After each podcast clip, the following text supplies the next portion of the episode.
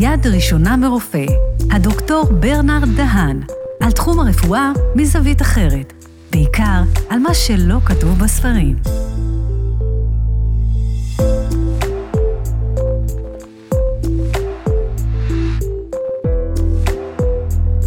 שלום לכולם, ברוכים הבאים לפודקאסט יד ראשונה מרופא. שמי דוקטור ברנרד דהן, רופא שיניים, מומחה ברפואת חניכיים, מייסד ומנהל מרפאת מומחים במוריה וחיפה.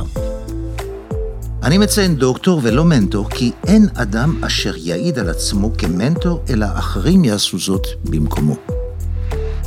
בפודקאסט הזה אדבר מעט על תחום הרפואי, אך בעיקר אתמקד במה שלא כתוב בספרים ולא נאמר על ספסלי האוניברסיטה. אעסוק בעיקר בהיבטים עסקיים, תקשורתיים וניהולים במכפאות או בעסקים הקטנים, כמו תקשורת בין אישית, רושם ראשוני, בניית צוות, שיווק, מיתוג, תדמית, תחרות, התמודדות עם כישלונות ועוד ועוד. אני אשוחח עם מומחים בתחומים שונים, תוך כדי התמקדות בנושאים הקרובים לליבי, הן בחיים המקצועיים והן בחיים הפרטיים, כמו תקשורת, שאיפה למצוינות, תשוקה לחדשנות והנאה בעשייה. אתם יכולים להאזין לנו במגוון הפלטפורמות, באפליקציה, באתר, בספוטיפיי, באפל פודקאסט ובגוגל פודקאסט של רדיוס 100 FM. והיום נדבר על דוקטור גוגל או מנצח תזמורת האמיתית. פעם ניתן היה להגיע למידע רפואי רק דרך רופאים עצמם, כאשר התאפשר להתפנות, או דרך ספרים מקצועיים שגם היו בידיהם של המורפים, או לחלופין אנציקלופדיות. כיום יש גישה ישירה ומהירה למידע רפואי ולכלל הציבור דרך מנועי חיפוש ומאגרי מידע של אינטרנט. ניתן למצוא כמויות עצומות של מידע. בכל התחומים. הדבר מתבטא בהצפת פרטים ללא סינון או לוגיקה כלשהי. המידע נחשף והוא נשפך ללא סדר ולפעמים יכול להוביל למסקנות לא תמיד נכונות. המטופלים יכולים לקרוא, ללמוד על נושאים ספציפיים שמעניינים אותם, או עד למצב שהם עלולים להפתיע את הרופאים. הרופאים לרוב לא מתלהבים מעממיות התופעה והבדלי הבנה בין החומר הנכתב לבין המציאות. הדבר מוביל לאי נוחות מצד מערכת הבריאות, כאשר מטופל מגיע עם מידע עשיר יותר ממה שהרופא בעצמו יודע או זוכר. וכאן עולות שלוש סוגיות מרכזיות. א', כמות החומר, ב', אמינותו, ג', יכולת לפענח את החומר. בואו נדבר על הכמות. מדובר בכמות אדירה של חומר שמציף את הרשתות ואת האינטרנט מדי יום. חומר אה, שמגיע בכמויות גדולות, שלא תמיד ניתן או אפשר לסנן אותו ולפענח כדי לגבש דעה או אבחון או הערכת מצב אישית של כל אחד מאיתנו.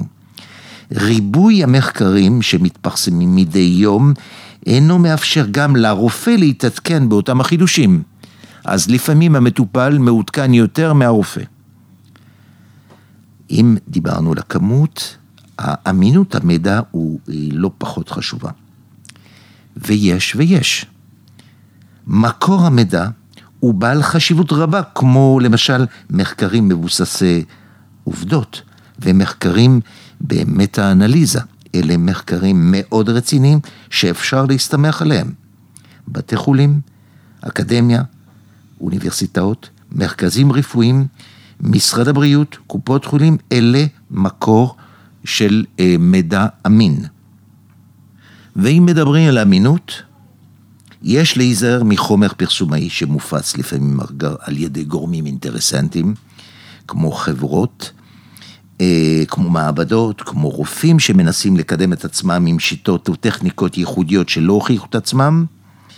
אה, גוגל גם עובדות נוספות, גוגל מנסה גם בעצמו לשלב דעות של מטופלים או של אה, אנשים מהציבור כדי לתת אמינות ואובייקטיביות למידע שמגיע. המידע הבריאותי שמגיע מהרשתות החברתיות הוא גם עצום ועלול להכיל מידע שגוי או מוטעה. גם לקחת בערבון מוגבל את המידע הנמסר על ידי פורומים שונים. כי שוב, הם אינם אובייקטיביים ומאוד רגשיים ומבוססים על ניסיון אישי. יחד עם זה, אינטרנט יכול להצביע על כיוונים שונים, על דרישות המטופלים, על אופנות, על טרנדים ועל כיוונים שהעולם אה, לוקח. הנושא השלישי, מלבד הכמות ואיכות החומר, היא היכולת שלנו לפענח את זה. המטופלים המקבלים מידע רב אינם מסוגלים לפענח ולסנן ולגבש דעה. רופא יכול לעשות זאת על ידי אבחון. ומהו האבחון? האבחון הוא אה, לאסוף מידע, להקשיב לסיפור של המטופל, לקחו בין השורות ולהביא את הדיאגנוזה. ריבוי המידע הנקודתי ומקורות שונים מקשה על המטופלים וכך מביא חלק גדול מהמטופלים לטעויות דרמטיות. המכשול העיקרי הוא איך לתרגם את המידע הרפואי, הסטטיסטי, הכללי, ליישום אישי למטופל הספציפי. מה בכל זאת יכולה להיות תחומה של דוקטור גוגל? קודם כל כלי עזר. הזמן המוקדש לכל מטופל במהלך בדיקה הוא מצומצם, הוא קצר. ולא תמיד הרופא מספיק אה, לתת את כל התשובות. יכול, רוצה או מדבר בגובה העיניים של המטופל, ועל כך לפעמים אה, אה, המטופל יוצא מתוסכל מהבדיקה והולך לחפש ב, אה, את המידע שהוא זקוק לו. ככלי עזר, החיפוש באינטרנט יניב טיפים ומידע רב המגיע מזווית אחרת ממה שהרופא יכול לתת. לא שהרופא לא יודע, אלא שלפעמים פעמים רבות הוא פשוט לא מספיק. מעט על מחקרים. אוניברסיטת חיפה ערכה אה, מחקר שהתפרסם ב-Journal of Medical Internet Research, שבו הוא אה, מנסה לנתח את ההרגלים של הגולשים. קודם כל, הוא מציין עובדה, 18% מקרב עובדי הבריאות, רופאים, אחיות, דיאטנית, חוקרים, משתמשים ברשתות החברתיות כמקור ראשון למציאת מידע בריאותי. למרות שרק 2% מהם מאמינים שמדובר בחומר אמין. בקרב הציבור, המספר הוא גדול יותר, 38 אחוזים מהציבור הרחב משתמשים גם ברשתות, ורק 8 אחוז מאמינים שהחומר הוא אמין. אנשי המקצוע, בריאות, מציינים שהמאמרים אקדמיים נשארים עדיין המקור העיקרי לחיפוש באינטרנט ולחיפוש מידע. כאשר הציבור יותר, יותר מעדיף להסתמך על ארגונים שונים כמו ארגונים בריאותיים, ארגון בריאות העולמי, משרד הבריאות, אך המחקר גם שם את הדגש על הקריטריונים שגורמים לגולש להאמין ולתת אה, דירוג של אמינות על המידע שהוא מוציא. קודם כל, הדבר החשוב, אלה התופעות לוואי של המחלות ולתכופות. דבר שני, הטון של הכתיבה. אם הוא מדעי, הוא יותר פרסומאי או שיווקי. הצגת חלופות שונות לטיפול שאנחנו מחפשים, הוא גם דבר מאוד מאוד עושה רושם לגולשים, מכיוון שהוא נותן להם את האפשרות בחירה, הוא לא מצמיד אותם לשיטה כלשהי. דבר נוסף, הם אוהבים לראות שהמידע שמוצע הוא מלווה במחקרים. נתון מעניין מאוד, אחד הקריטריונים שנראה לי חשוב, ניגודי אינטרסים, הוא ממש לא צוין. כי אנחנו יודעים שהאינטרסים הם לפעמים משפיעים על האנשים לבחור שיטה זו או אחרת, אבל כך לא מצוין. נתון מעניין גם כן הוא שרק 65 אחוזים מהאנשים קוראים את המאמרים, החלק השני אה, מסתפק בכותרת או בסיכומים בארבע שורות האחרונות. אלה הפרטים אה, הקשורים למאמרים, למחקרים שניתן לראות בנוגע לדוקטור גוגל. והיום הזמנתי לשוחח איתנו את עורר דין יורם הכהן, מנכ"ל האיגוד האינטרנטי הישראלי משנת 2015.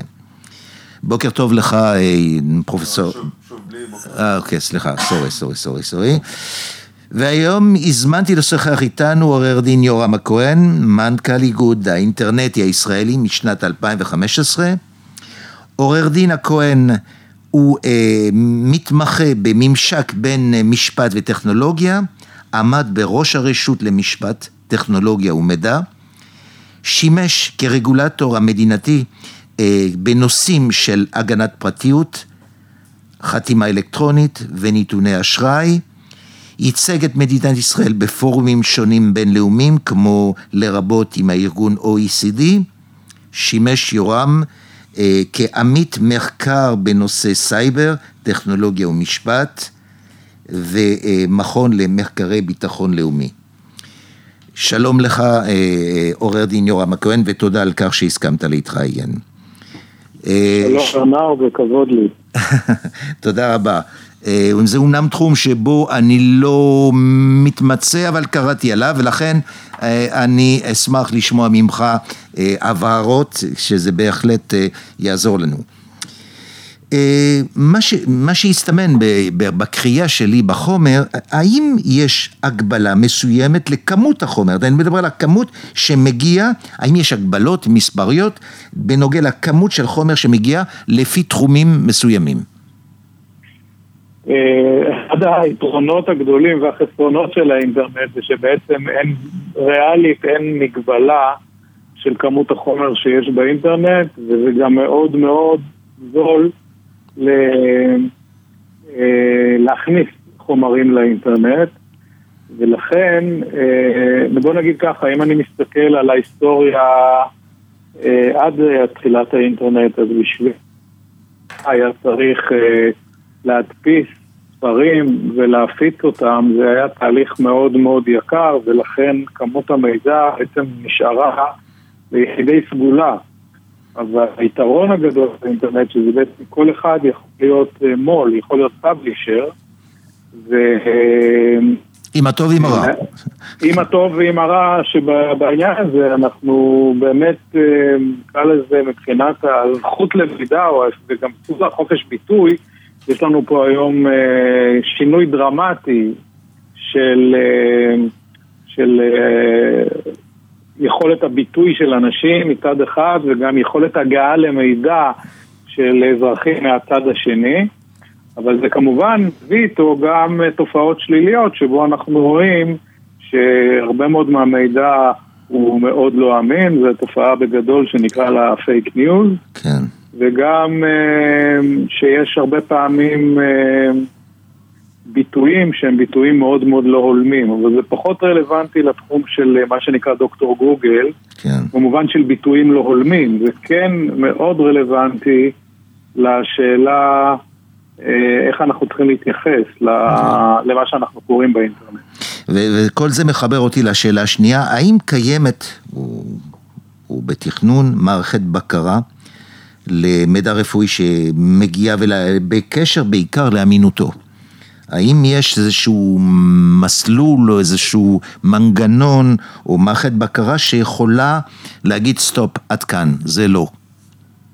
אה, אז אה, יש היום התפתחויות ברגולציה, בעיקר של מידע ברשתות חברתיות, שהתחילה בשנים האחרונות, בעיקר באירופה, לגבי אה, תכנים שהם תכנים מאוד מאוד אה, מזיקים, נניח, למשל, בתקופת הקורונה אה, היו כבר אה, תהליכים של אה, קצת אה, צנזור של מידע, כי הגיעו למסקנה שיש פה סכנה, אבל באופן ממוסד, אין כמו שיש, ב, או כמו שהיה, כל פרסום אה, רפואי מקובל שעובר אה, מה שנקרא peer review, זאת אומרת ביקורת עמיתים של מה מפורסם, ורק אחרי שזה עובר אה, רמה מסוימת אפשר לפרסם את זה, או אם אני חברת תרופות ומפרסם משהו, אז יש לי רגולטור שנקרא FDA או משרד הבריאות, ש, שבודק את האם אני, המידע שאני מגלה הוא מידע, נכון. אין את זה לגבי האינטרנט, ובגדול כל אחד יכול לפתוח אתר אינטרנט ולכתוב בו מה שהוא רוצה. כן. אה, במצבי קיצון, יש היום כבר, אפשר לראות התערבות של אכיפת חוק ב... אה, בביטויים כאלה, זה עניין רק של התקופה האחרונה, של השנים האחרונות ממש. אתה מתכוון למין אה, ועדת אתיקה?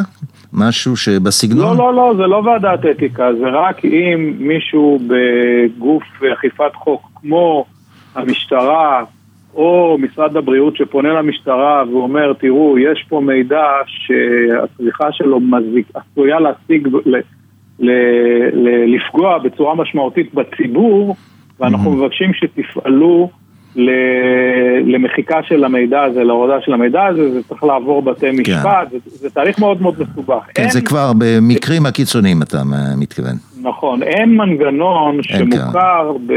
בפרסומים רפואיים מקובלים, של גם אה, ועדת הלסינגי כזאת, של בודקת בכלל את, אה, את, את הניסוי שלפיו מפרסמים את המידע. גם היום, הרבה מאוד אנשים אה, יכולים לפרסם כל מיני מידע שלכאורה הם עשו ניסוי על עצמם או על חברים שלהם ושזה יתיימר להיות אה, ניסוי רפואי בעוד שזה לא עמד בשום כן. קריטריון בקרה רפואי, כן?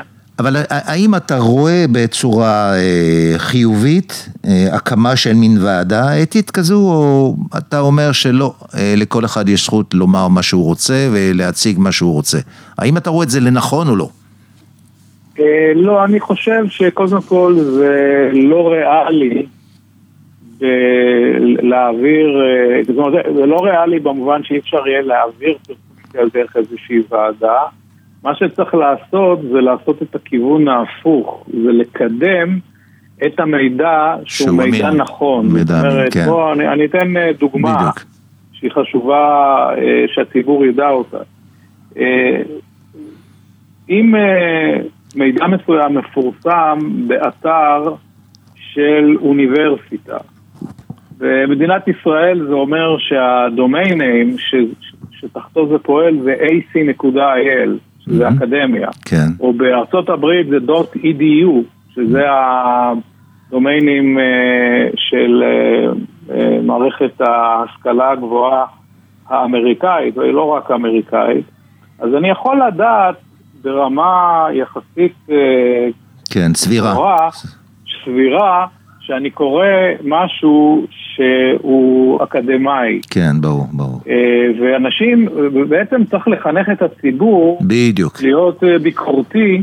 לגבי הדברים שהם קוראים. בדיוק, יותר ללמד את, לה... את הציבור כן. לדעת לבחון במידע האמין לעומת המידע הפרסומאי או שיווקי. נכון, וכן צריכה להיות סיטואציה שבו אם אה, אה, מערכות אכיפת חוק מגלות דברים שמסוכנים לציבור מאוד, אה, אז צריך להפעיל כלים אה, משפטיים כן. כדי לטפל בזה, כי זה יכול לגרום אה, נזק. הדוגמה באמת בתקופת הקורונה, אה, אבל צריך לזכור שאנחנו צריכים לשמור על איזשהו איזון בריא בין חופש ביטוי גם הרופאים לא תמיד יודעים את... כן. אה, פרמטרים, כמה טיפים לגולשים או למאזינים, אה, כמה טיפים על בחירת הפרמטרים כדי לגלות מידע אמין. אתה כבר העלית את הנושא של, ה, של האתרים. כן. אה, פרמטרים שיכולים איך להצביע על רמת אמינות מסוימת של המידע שמגיע. כן, אז קודם כל השאלה הגדולה היא כמובן מי הארגון שמפרסם את זה. ככל שזה ארגון שיש לו מוניטין יותר אה, ידוע אה, לגבי אה, שליטה והבנה של נושאים רפואיים, אז, וזה לא חייב להיות רק גורמי מדינה, זה גם יכול להיות, כמו שאמרתי, אקדמיה, mm-hmm. זה יכול להיות גם אפילו גם חברות מסחריות, אבל אם הן עצמן נמצאות תחת רגולציה, חברות תרופות לדוגמה, כן. ואז סביר להניח שמה שיפורסם אצלהם זה לא משהו שהוא מנותק מהמציאות. אה, צריך להסתכל בצורה ביקורתית אה, על מה שאנשים פרטיים כותבים. עכשיו, אני לא מזלזל בזה, כן. ואני חושב שיש חשיבות מאוד מאוד גדולה של מעורבות הציבור. גם להתנסות אה, פרטית של אנשים בכל כן. מיני תופעות. לפעמים חולים יכולים לזהות תופעות, נניח בתרופות, כל מיני, כיוון שאנחנו באמת, גוף האדם זה דבר מאוד מאוד מורכב. אז יכולות להיות השפעות למשל של תרופות שחברת התרופות לא זיהתה, mm. אני לא אומר לא להתייחס לזה, אבל בערבון מוגבל. לא לקחת את זה בתור uh, תורה מסיני, כן, ברור. אלא, uh, אלא ל... לקחת את זה עם רמה של אה, ביקורת, וכן לבוא עם זה לרופא. זאת אומרת, כן. אחד היתרונות הגדולים של המהפכה שזה הדו-שיח. של האינטרנט, זה שהיא באמת שינתה קצת את מאזן הכוחות לטובת הפציינט, ואני חושב שזה דבר מאוד מאוד חשוב. פעם רופאים היו מתייחסים אל, אל רוב הפציינטים אה, אה, בתור אה, אנשים שלא מבינים שום דבר, והיום הם כן, דיברנו על זה. שבאים אליהם עם ידע. מידע, כן. הקושי הוא לעשות את ההבחנה של המידע. שאלה אחרונה ברשותך, יורם. כן.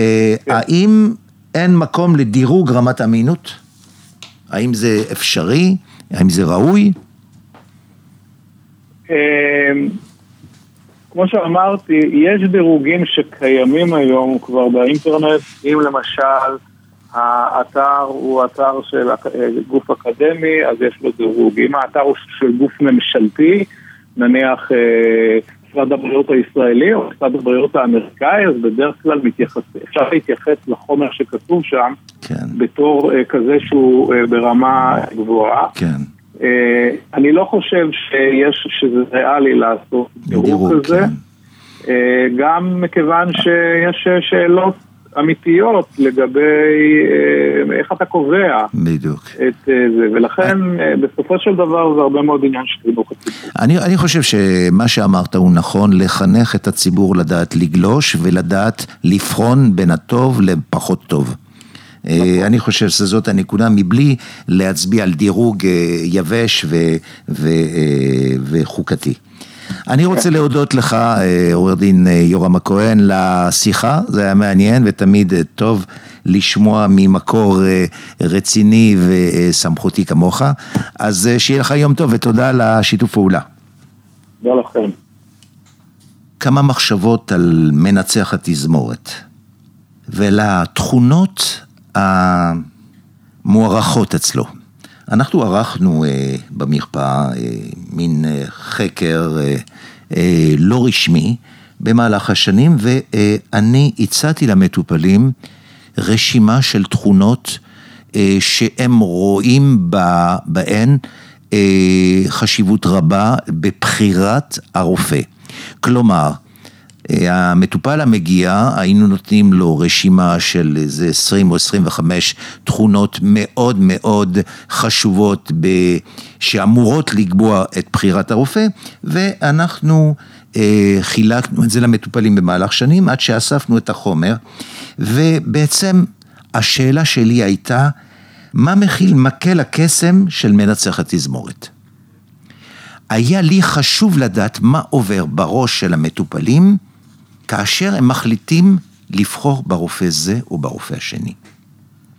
מתברר שמכל התכונות שנבחרו, מרבית התכונות היו מבוססות על אה, רגש.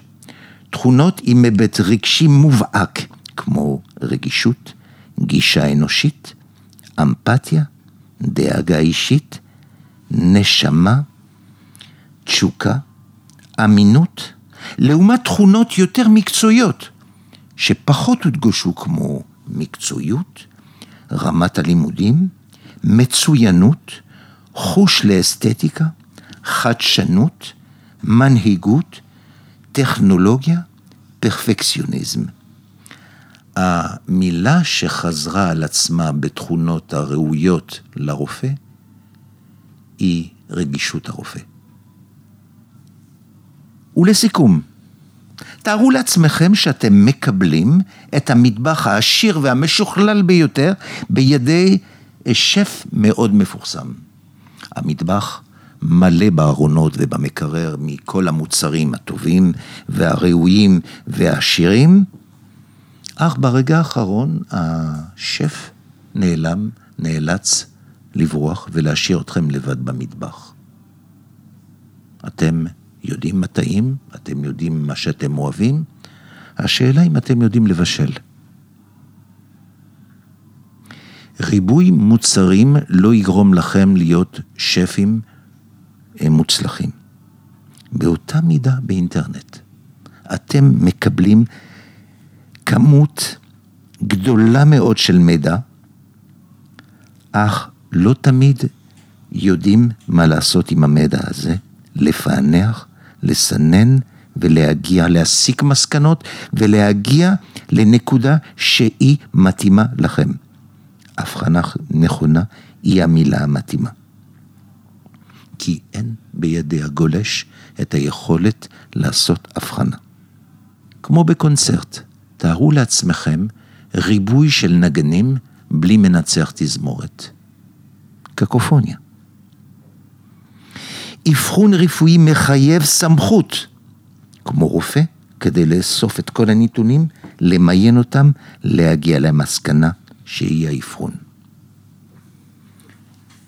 מלבד הידע הרפואי, על הרופא לגלות תכונות תקשורתיות ייחודיות כמו רגישות, שהיא גולת הכותרת. מקצוע הרפואה דורש אלמנט רגשי שאינטרנט והרשתות אינם מסוגלים לספק. לכן, מידע רב, כן, מידע מקצועי איכותי, כן, אך חובה רופא כמנצח תזמורת לצורך הובלת האבחון. תוך כדי רגישות, כי כל מטופל הוא עולם ומלואו. תודה לכם שהאזנתם לי, ותודה לעורר דין יורם הכהן שהסכים להתראיין היום. אתם מוזמנים להאזין לפרקים נוספים של יד ראשונה מרופא בפלטפורמה שונות, באפליקציה, באתר, בספוטיפיי, באפל פודקאסט ובגוגל פודקאסט של רדיוס 100 FM. אנחנו מעדכנים בפייסבוק ובאינסטגרם של רדיוס 100 FM, כאשר עולים פרקים חדשים, אז אתם מוזמנים לעקוב. תודה לצוות שלי כאן באולפן. אני ברנר דהן, דוקטור ולומנטור.